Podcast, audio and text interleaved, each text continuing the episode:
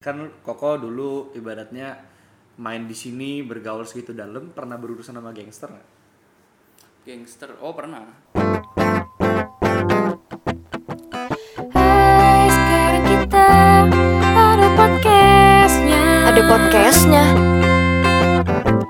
bersama Deren dan Prisi.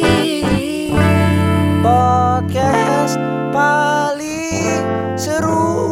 Eh tunggu tunggu tunggu, kok fals? Sorry sorry sorry sorry. Podcast paling seru.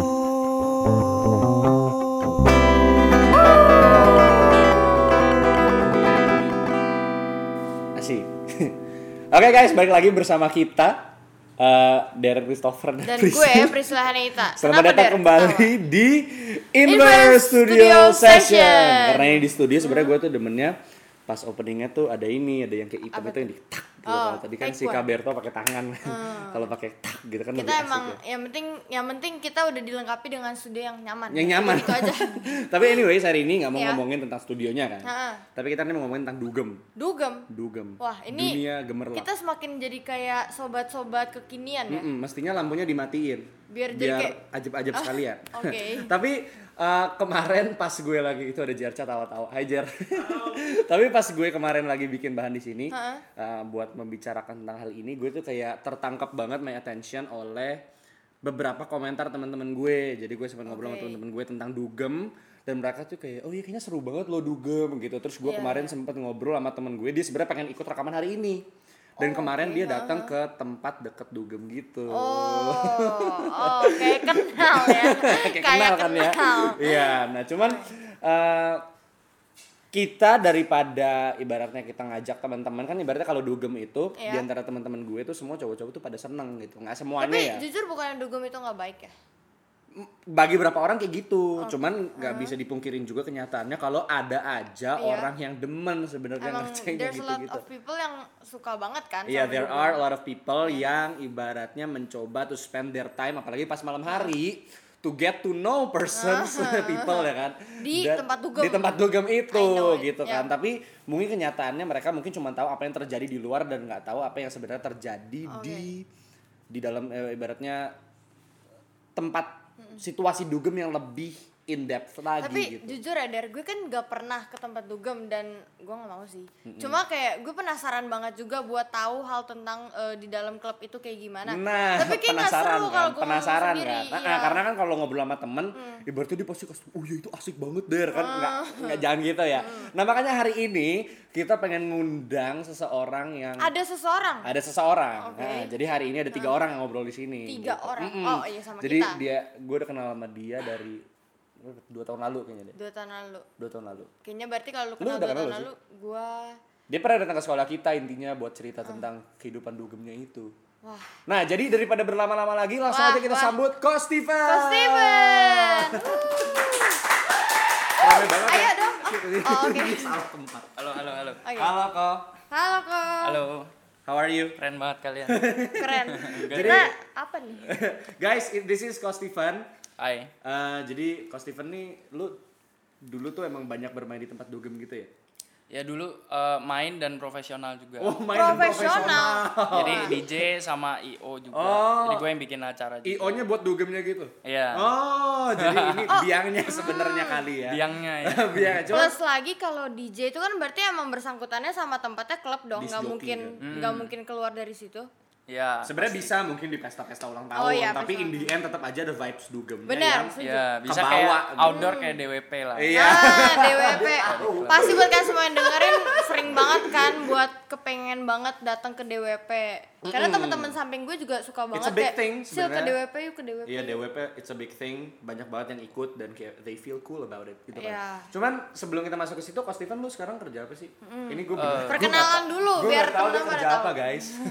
Kalau sekarang di bisnis sih udah dulu kan sempet di musik. Ah. Oke. Waktu udah nggak nge-DJ juga sempet jadi penyanyi, pengarang lagu. Hmm. Cuman sekarang lagi di bisnis per- eh, dagang lah, Oh. online shop, online shop. online shop memanfaatkan karena lagi Melenceng PSBB gini jadi benda online Tapi shop. tapi dia Iya, keren iya. banget ya maksudnya kan dari DJ tuh profesinya yang kayak musik banget terus yang hype gitu sedangkan tiba-tiba larinya ke dagang. Mm, tapi gue dulu pernah sekali pulang dari BSD Petanggerang sama nyokap gue. Iya. Terus gue tuh nyari YouTube-nya si Ko Steven. Nah, Oh, ada terus YouTube? Mm. ada tuh gue kaget di mana dia cover bareng Yeshua Abraham sama Raguel Lewi ada ya? Oh, iya. ada waktu itu. Tuh gue udah kayak, ih keren banget gila nih orang. ya Tapi udah lama udah Mm. Jujur gue belum nonton, gue belum Ah, nonton. ah, nah jadi Nonton ya. Oke harus nonton. eh, Subscribe. Kayak subscribe. Jadi dua tahun lalu, gue sempet tahun baruan bareng Ko Steven, ya kan Tahun di rumah baruan? temennya. Ha, ha, Jadi tahun baruan.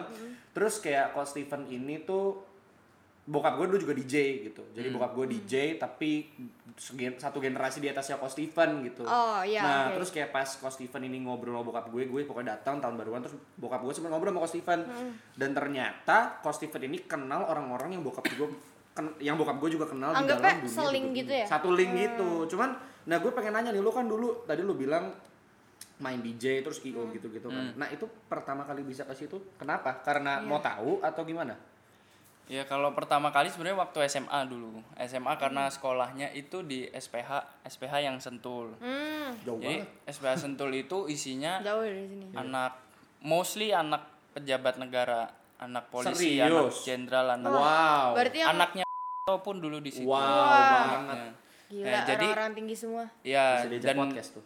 dan bisa bisa. Eh, Iya, Nah, terus, terus jadi ngelinknya pasti mereka punya teman-teman itu di International School. Oh, Wow, oke eh, yang Iya, mana iya. tahu. Iya, Itu kalian dulu anak SMA pasti tahu lah. Iya, dulu sempat viral tahu, kan? tahu. Nakal banget. Tapi Iya, kan iya. nggak bagus itu dulu Iya. viral. Iya. Lanjut lanjut. Iya. Jadi karena sesama anak pejabat lah ya gitu. Jadi ya dugem itu udah kayak nongkrong biasa buat mereka. Oh, jadi Hmm. emang Bukan sesuatu yang nakal tongkrongan- ya. Tongkrongannya tuh ke tempat dugem. Iya udah biasa banget. ha. Jadi ibaratnya tiap malam clubbing gitu. ya Dan nggak itu tiap malam karena sekolah kan. Oh iya, Masih benar. sekolah. Maksudnya di iya, malam-malam yang sempat gitu kali. ya? Iya, apalagi pas umur 17 with Hmm. 17, waduh udah. Oh, pasti langsung Tiap cabutnya Hmm. minggu ke sana. iya. ya. Jadi jadi waktu itu ya mau nggak mau karena semuanya berangkat ya. Ya udah gue ikutan. Jadi awalnya gitu doang sih. Hmm. Iya, awalnya. iya, iya. Ini tadi robot juga denger ya. Iya, Maksudnya robot robotnya juga ikut- ikutan ngomong. Kali ya. Aku mau ke klub. Oh, gitu. Tahu. Iya. Oke. Nah, terus itu tapi pertama kali itu siapa yang ngajak?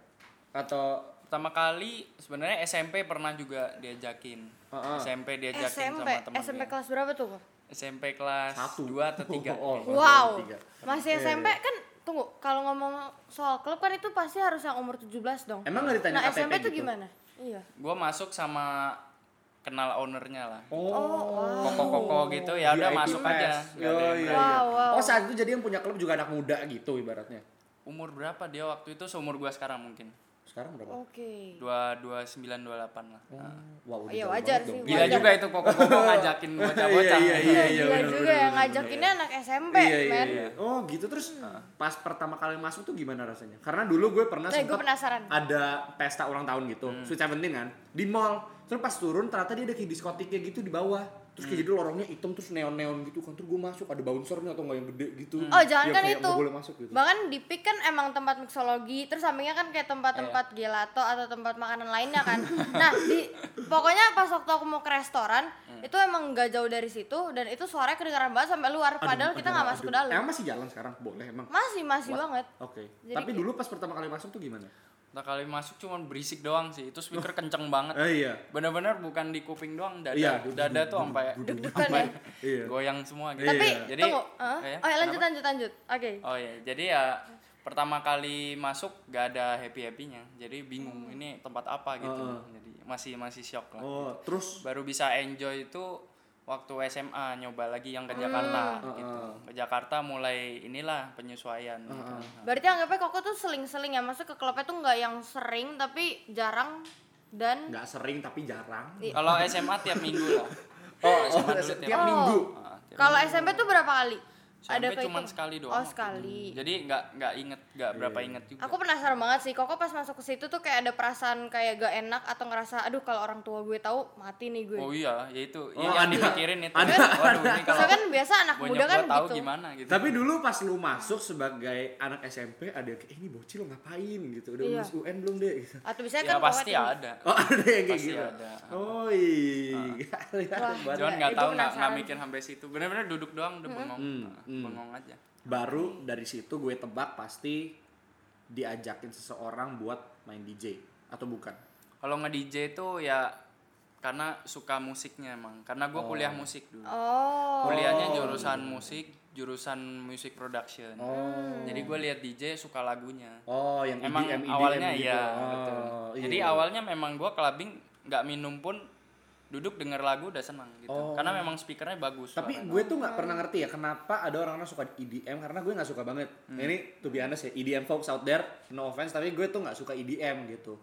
Jadi yang gue demen tuh lagu-lagu kayak Ed Sheeran, lagu-lagunya let's say Pop gitu gak sih? akustik sebenarnya emang gue Akustik, suka. iya, Terus iya, James gue juga suka Hmm. Arthur, nah gue demen. Nah cuma kalau EDM tuh yang didemenin tuh apanya gitu. Hype-nya kali ya. Apakah lu kan namanya electronic dance music? Pas di kamar kok juga dengerin nggak? Misalnya lagi santuy gitu dengerin juga atau nggak? Karena kan nggak bisa dance juga kan. ya dulu sih belum ada EDM zaman gue tuh clubbingnya tuh R&B. lagu-lagu R&B adapun lagu house music tuh yang house music Iya, yang house. ekstrim banget Iya, iya. yang nggak ada iramanya nggak terlalu banyak Oh, nggak ada iya. nyanyi nyanyiannya Oh, iya, cuman jeduk-jeduk melodi aja. gitu Iya, jadi iya, gue iya. nggak suka Oh. Hmm. cuman kan seiringnya industri musik nih maju kan mulai EDM mulai ada nyanyi nyanyinya Oh, oh. kayak Z atau Iya, apa iya, Avicii iya, gitu-gitu iya, ya iya. baru Oh, bisa di enjoy I see, I see. jadi ada transisinya sih Tapi tadi Koko suka bilang meskipun gua nggak minum dengerin lagu aja gue udah seneng gitu kan. Hmm. Tapi kan gue tahu banget gue sempat waktu itu diajak traktir sama temen gue. Terus Pernah tuh clubbing ceri- lu? Kagak bukan bukan. gue laporin bukan jadi gue sempat diajak makan di tempat makan biasa oleh orang yang suka clubbing dan dia cerita oh iya di situ seru banget ya gara-gara gue bisa kenalan nih sama cewek-cewek gitu tuh gue bisa minum asik banget nah lu beneran cuman dengerin musik doang like just like that gitu kayak mungkin sebagai anak Apalagi muda, kan godaannya banyak ya. esensinya nggak dapat Iya. nggak nggak juga pasti pasti ini ya itu sih memang clubbing itu sebenarnya kalau ditanya dugem itu misalkan banyak anak muda bertanya-tanya kan anak eh, dugem nih sebenarnya baik nggak sih bagus nggak sih positif nggak sih kenapa kok nggak dibolehin gitu jadi sebenarnya dugemnya sendiri kalau ngomongin musiknya dan ruangannya ya nggak ada yang salah gitu Iya. nggak ada yang Iya, salah dengan bener. dugem Bener, cuman setuju. eh, namanya kegiatan suatu kegiatan tuh pasti ada konsekuensi sosialnya Hmm. konsekuensi sosial tuh misalnya gini misalkan gue bahas rokok nih iya Hmm. Kenapa rokok nggak boleh? Kalau dibilang karena kesehatan, sekarang orang yang mati karena makan duren, makan babi juga banyak. Juga iya. Ya, Kenapa kok Oke. duren lu nggak dilarang sama bapak? iya ya iya kan? benar Eh, Karena orang yang makan duren nggak nggak ada konsekuensi sosialnya. Contohnya gini, kalau misalkan gua ngerokok, selalu rokok tuh konsekuensi sosialnya eh, biasanya deket sama namanya klub mobil atau Oke. iklan kondom, iklan rokok, iklan iklan alkohol. hal yang kurang Ah. disenengin kali ibaratnya Jadi lah ya jadi yang namanya rokok itu eh, apa? eh, ada paketannya gitu. iya iya Iya ngerti. benar. Kalau lu ngerokok mau nggak mau deket sama orang-orang yang tidak baik gitu. Oh, iya. Sebenarnya masalahnya di situ, Iya, masalah paling utamanya Iya, ya. jadi ada Sekarang- capnya ah, gitu kali ada ya. capnya. Ah, ah, ah, Hmm. ah. Nah, sekarang begitu juga dengan dugem. Kalau lu masuk ke dunia dugem, 90% lebih orang di situ itu orang-orang nggak bener. Hmm. Maksudnya orang nggak bener dalam artian ini yang gue tahu sendiri ya, gue bukan sok tahu. Most of them broken home, most of them 90% lebih Hmm. itu broken home Benar, benar. most of them itu pekerjaannya eh, banyak yang ilegal nggak bener lah iya, Oh, oke, Hmm. iya. oke. cowok-cowoknya Iya, karena kan iya. dunia malam tuh mahal iya Hmm. lu clubbing sekali clubbing tuh abis bisa minimal 5 juta Hmm. semalam Iya, karena katanya sebotol mahal gak ya sih? Minum. lu bayangin sehari keluar 5 juta kalau anak-anak muda kayak gua mau mau bayar pakai apa Lantas yang gue kenal rame-rame datangnya satu botol Oh, iya. bagi-bagi. Ya, that's why anak muda di sana, anak muda yang bisa survive di dunia malam, pasti kerjaannya yang nggak bener nggak bener. Iya, ngerti Antara banget. jual narkoba, judi, itu pun yang gue lakukan dulu. Iya. Makanya gue juga terpaksa judi, terpaksa narkoba. Dulu ngebandar atau enggak? Cuman Eh, nggak kalau narkoba gue jualan untuk gue bisa pakai sendiri. Jadi untungnya buat gue beli narkoba sendiri. Oh, begitu. Cuman ya, ya itu ketika lu memutuskan untuk dugem, mau nggak mau lu dekat dengan orang-orang yang Hmm. nggak bener yang seperti itu. gitu. Tapi kan nggak mungkin maksudnya kayak contoh nih, aku juga jujur suka banget sama live music kan sekarang ini banyak kafe sama ada live music tapi juga jual minumannya. Jadi kan bisa yang kayak ada anak yang mabuk-mabuk segala macam. Jadi ujung-ujungnya ke ke tempat klub atau dugem gitu-gitu kan plus nyentuh rokok sama drugs. Nah itu kan nggak mungkin kalau nggak ditawarin dong. Kok Koko pertama kali tahu drugs atau maksudnya awal-awal dulu Hmm. itu dari mana? Maksudnya kan pertama rokok udah nih, terus udah Hmm. masuk ke dunia malam, terus gimana bisa ke arah situ juga? Hmm, ya jadi gini semuanya pasti eh, anak muda itu nggak ada yang berani sama namanya narkoba pasti Setuju. takut Iya. Hmm. pasti takut kan makanya itu eh, biasanya pintu masuknya tuh dari rokok dari hal yang kecil Hmm. dulu Oh maksudnya kalau langsung disogok nih langsung ekstasi. Ah, narkoba nggak ada yang mau percaya deh anak anak kecil anak SMP SD SMA ditawarin narkoba nggak akan mau Hmm. gitu Kalau mereka tahu itu narkoba gitu. Iya, Hmm. ha-ha. that's why biasanya pintu masuknya itu dari narkoba. Eh dari, dari dari rokok. rokok. Hmm. Dari rokok kalau udah bosen ngerokok biasanya masuknya ke ganja. Hmm. Oh, gua ngerokok, ah udah bosen nih gitu. Apalagi ya ditawarin ganja. Hmm. Tetap anak muda takut dong. Gua Iya. pun dulu ditawarin ganja takut ya, tapi Hmm. anak muda anak-anak tuh pinter. Akalnya bilang, "Eh, ganja ini tanaman ciptaan Tuhan." Gua bilang, Waduh. Jadi nggak apa-apa dong, Wah. Iya. ini ciptaan Tuhan kok katanya.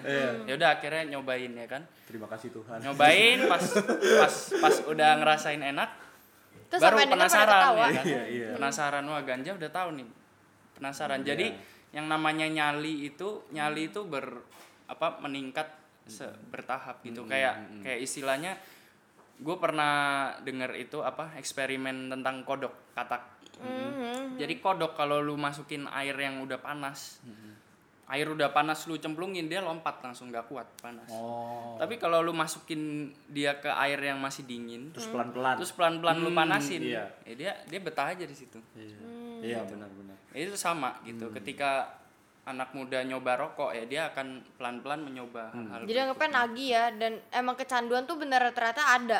ada. Tapi pastinya. Koko dulu berkutat sampai seberapa dalam?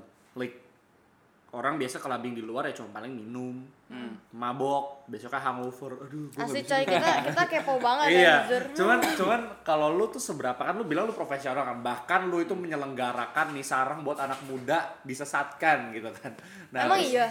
katanya jadi ilmu Iya, iya. nah terus Hmm. ya memang dulu sebelum DWP, Hmm. Riff Party pertama di Indo kayaknya gue yang bikin sama teman gue. serius R&B Parade dulu 2009 Hebat 2010. juga. Jadi sebelum ada Wah, DWP, gokil. rave party rave party di Ancol di di Tribeca Hmm. itu IO kita yang bikin, bukan gue yang punya. Gue gue masih tim marketingnya waktu itu. oh Jadi ya memang kita yang sedalam itu kalau secara profesional. Kalau secara apa substance tadi kayak iya. Oh, mungkin pakai-pakai apa? Ya gue dulu paling hobi pakai ekstasi sama sabu. Sabu tuh nggak tapi nggak terlalu sering sabu. ha. tapi kalau sebagai orang yang menyelenggarakan hal ini atau bikin ini tujuannya ngapain apakah dia dengan sengaja ya udah biar hancur aja orang-orang atau Ya nggak ada lah, nggak ada Iya lah. kan kan siapa tahu kan ibaratnya kan kalau gue nih ibaratnya gue pengen bikin sebuah uh, let's say diskotik gitu kan. Ya gue pasti pernah menyelam di sana dong kalau betul dong. Ibaratnya pernah ngerasain di sana. Terus kan gue harusnya tahu ibaratnya oh iya sini tempat rokok, orang mabuk, mungkin di sini orangnya juga nggak bener tapi dia malah mau bikin. Nah, kan berarti dia tahu itu, kenapa dia masih mau bikin gitu. Ya Kan kalau lu kan sekarang udah tahu value mana yang benar. Maksudnya keluarga lu juga mungkin dari keluarga yang baik-baik ya kan. Sekarang kalau kalau yang nyelenggarain IO waktu itu ya keluarga dia juga berantakan, mungkin bapaknya istrinya banyak. Main cewek di mana-mana bapaknya. Jadi ya buat dia tuh kehidupan kayak gitu biasa aja. Plus tahu gue juga kalau Ah. kehidupan di klub itu kan kayak mahal nggak sih maksudnya buat mereka bangun itu kan pasti banyak yang Mahal. datang juga. Iya. Maksud That's cuannya why itu juga cuannya gede. Nah, Ya, jadi modalnya Kecil. kecil tapi orang kalau udah clubbing mau bayar jutaan Iya. itu tadi satu orang 5 juta Menyanggupi. bisa Makanya mungkin Las Vegas terkenalnya di situ kali ya mungkin. Yes, Iya, Wah. betul. Cuman lu dulu pernah ini nggak? Kan ini penasaran nih. Kan Koko dulu ibaratnya main di sini bergaul segitu dalam pernah berurusan sama gangster nggak? Gangster. Oh, pernah. Beneran? Itu Nah, gimana? ya ceritanya? gue jadi gangster Oh, juga. dia gangster. Oke, wow.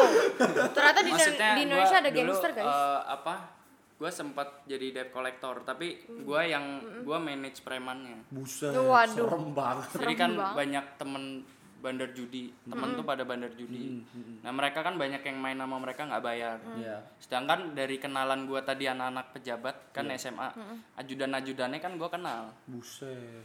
jadi Hmm. kopasusnya apa go- jo- apa je- apa bodyguard bodyguardnya Hmm. temenan juga gitu ya akhirnya ya udah gue pinjem bodyguardnya mereka Oh. buat nagih nagihin nah, sampai akhirnya udah jadi bisnis tuh jadi gue dapat komisi dari penagihan utang Gila banget. Wah gila itu sih serem akhirnya jadi banget. bandar judi juga sempat Terus tuh nagihnya tuh kayak yang di film-film itu nggak kayak mobilnya dipecahin terus kayak kasih kalau nggak spion lu gue ambil gitu. oh enggak enggak, Oh enggak. Enggak, sebenarnya enggak Itu sadis seberat sih. Oh. itulah ya tergantung nominal uangnya Oh tergantung. buku gue belum sampai level apa yang sampai Miliaran. miliaran Oh. gitu. Iya iya iya iya. iya. Terus baru ngomong-ngomong soal koko kayak udah dugem segala macamnya, orang tua udah mulai tahu atau gimana tuh pas SMA masa-masa udah- tahu tahu jadi mereka tahu lah gue nge DJ gitu gue sampai maksa-maksa tuh minta dibeliin ala DJ gitu Wow. Tapi Pionir. reaksi mereka gimana responnya? Kayak oke boleh atau awalnya nggak boleh lah cuman Iya.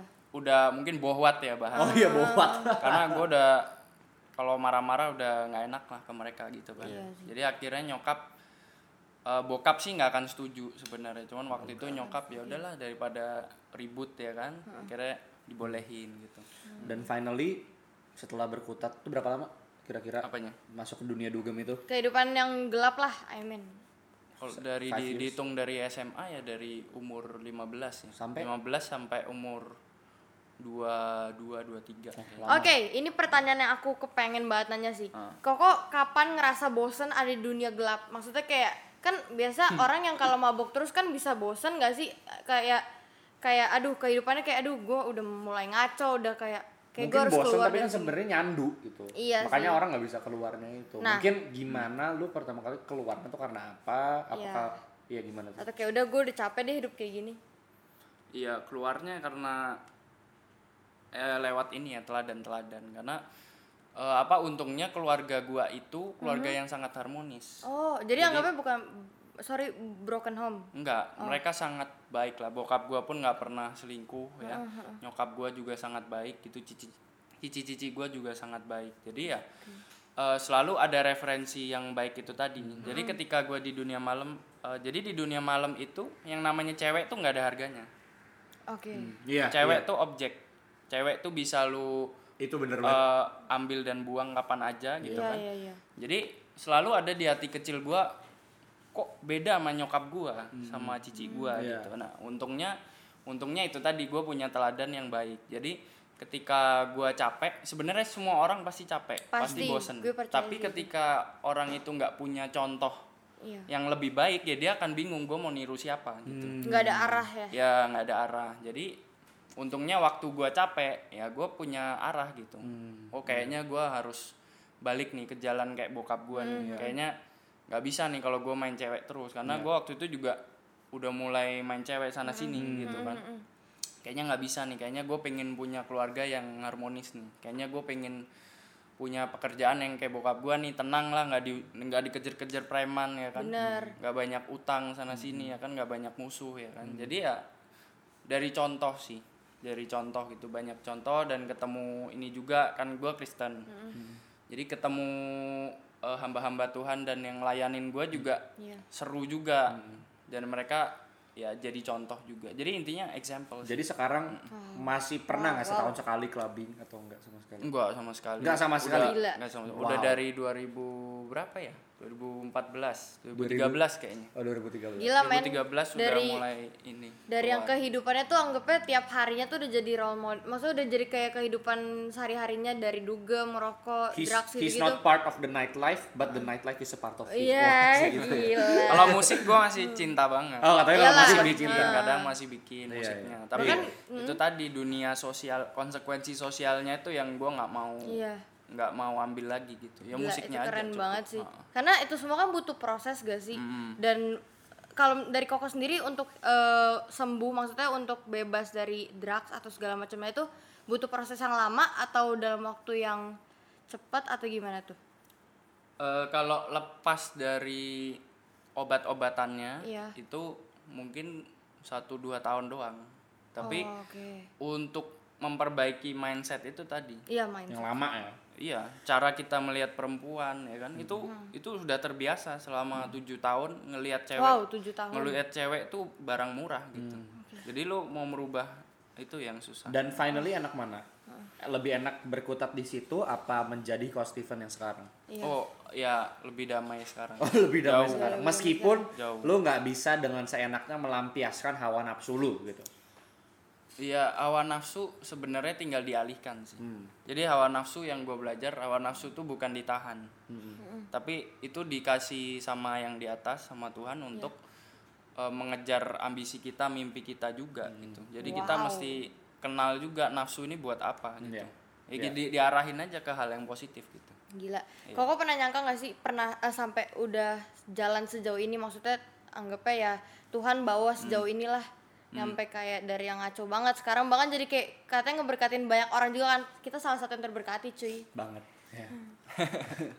eh ya nggak nyangka sih sebenarnya dulu dulu nggak nyangka kan. cuman sekarang ya kalau di flashback lagi sering ada s- satu stage di hidup gua dulu ketika gua ditanya gimana cara bisa keluar dari sini nggak bisa jawab gitu jadi ini sekarang pun gue bisa jawab itu harus bener-bener gali lagi sih gali lagi dulu tuh kenapa gitu jadi bener-bener ini apa eh, pekerjaan Tuhan sih Ya. kalau buat gua. bener setuju setuju dan gue percaya waktu yang membuktikan sih maksudnya kayak waktu yang bekerja dan Tuhan maksud Tuhan yang bekerja tapi waktu yang memproses segala sesuatunya lah For some people it will be apa ya? They sebenarnya they should know gitu. Karena teman Iya. bokap gue, my dad was a DJ.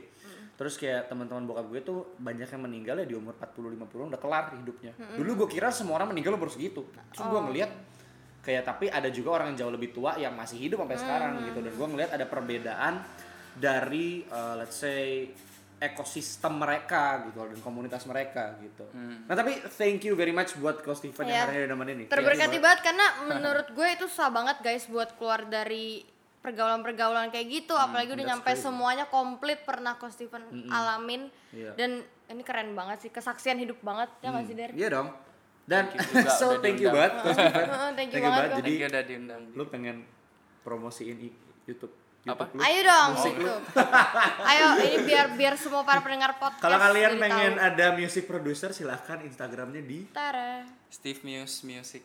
jadi Steve S T E V E M U S E M Muse, U S I C. Jadi kalau kalian tadi pada dengar Kostil kan suka banget yang kayak EDM gitu-gitu kan. Ya kan? Dia kan Dan Mm. bekerja di banyak bidang gitu sih. Mm-mm. keren sih, keren banget. Dan, dan suaranya bagus banget. Jadi kalau kalian mau cari Bagusan Darren penyanyi- lah. Lah, dia gitu. Oke, Ah. ini teman-teman. para pendengarnya udah udah pada Ah, ah, excited. jadi banget. daripada kita berlama-lama, Ah. jangan lupa buat dengerin yang lainnya juga ya. Iya. Bye bye. Bye bye. Bersambung Kok ngegantung banget kayak kisah cinta gua? Jer eh, mm, Daripada lu galau kayak Jerca Mending dengerin episode ISS lainnya See you